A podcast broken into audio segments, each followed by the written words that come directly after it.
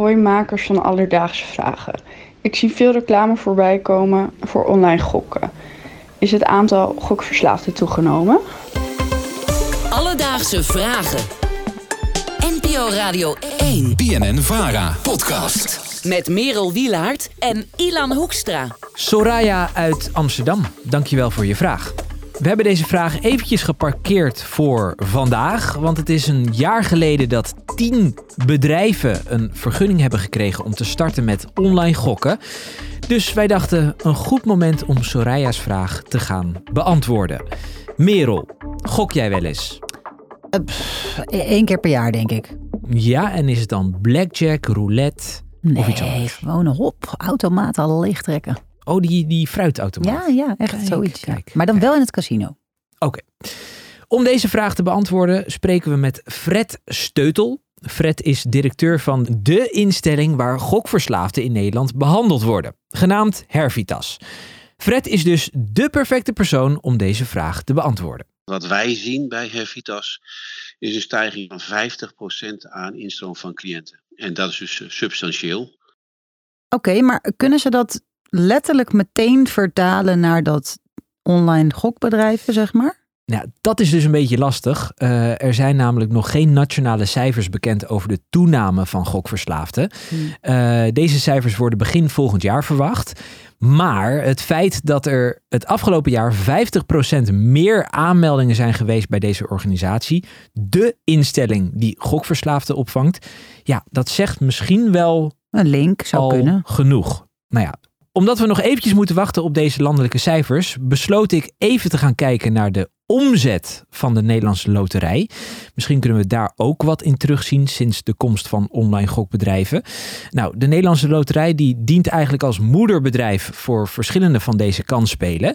En voordat het online gokken legaal was geworden in 2020, behaalde de Nederlandse loterij een omzet, ga even zitten, van zo'n 1,36 miljard euro.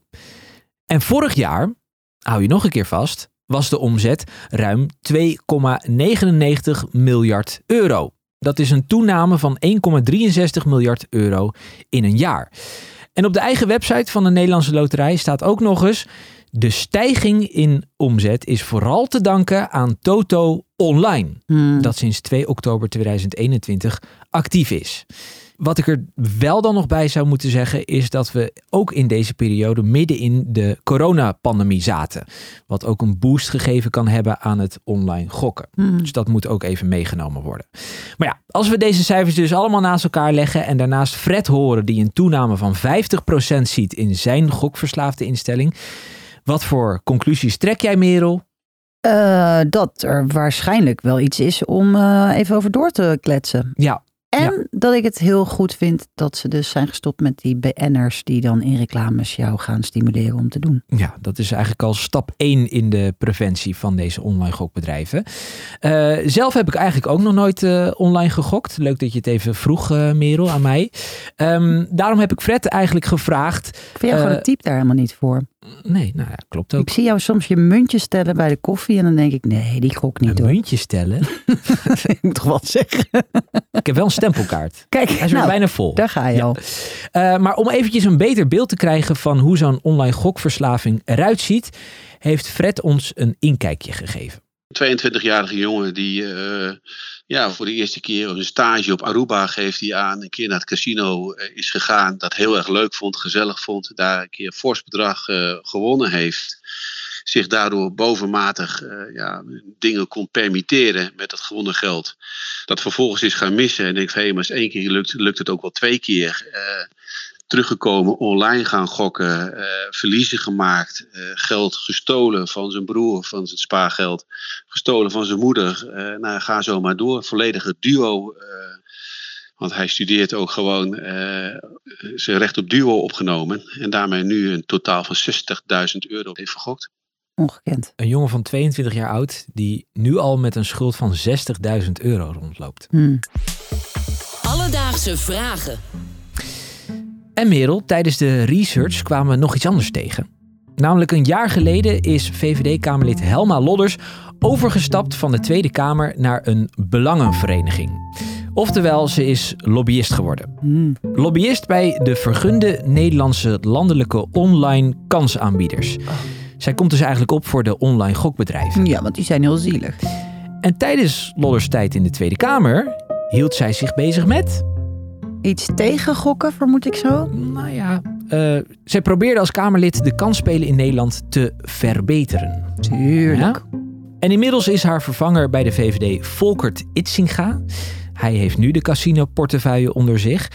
En ik ben eigenlijk heel benieuwd wat er gaat gebeuren zodra die nationale cijfers bekend zijn. Hmm. En wij kunnen al een klein beetje gokken wat daaruit gaat komen. En dan gaan wij Volkert en Helma eens even goed in de gaten houden hoe zij met elkaar gaan communiceren. En dan kan Volkert wel een telefoontje van ons verwachten. Ik heb zin in, hè? Voelt Lekker dat als bellen. een dreigement? Nou, het voelt gewoon als iets logisch om te doen. Precies. Dus, Soraya, is het aantal gokverslaafden toegenomen? Nou, het is nog niet met 100% zekerheid te zeggen dat er een toename is. Maar we zien wel al een toename van gokverslaafden bij de instelling voor deze verslaafden. En daarnaast heeft Toto Online de afgelopen periode een hele flinke omzetstijging gehad. We gaan de officiële cijfers in februari afwachten en dan kan onze Volkert van de VVD een belletje van ons verwachten. Heb jij nu ook een vraag? DM ons op Instagram, Alledaagse Vragen. Of stuur een mailtje naar alledaagsevragen.radio1.nl en wij zoeken het voor je uit. Alledaagse vragen. NPO Radio 1. BNN Vara podcast.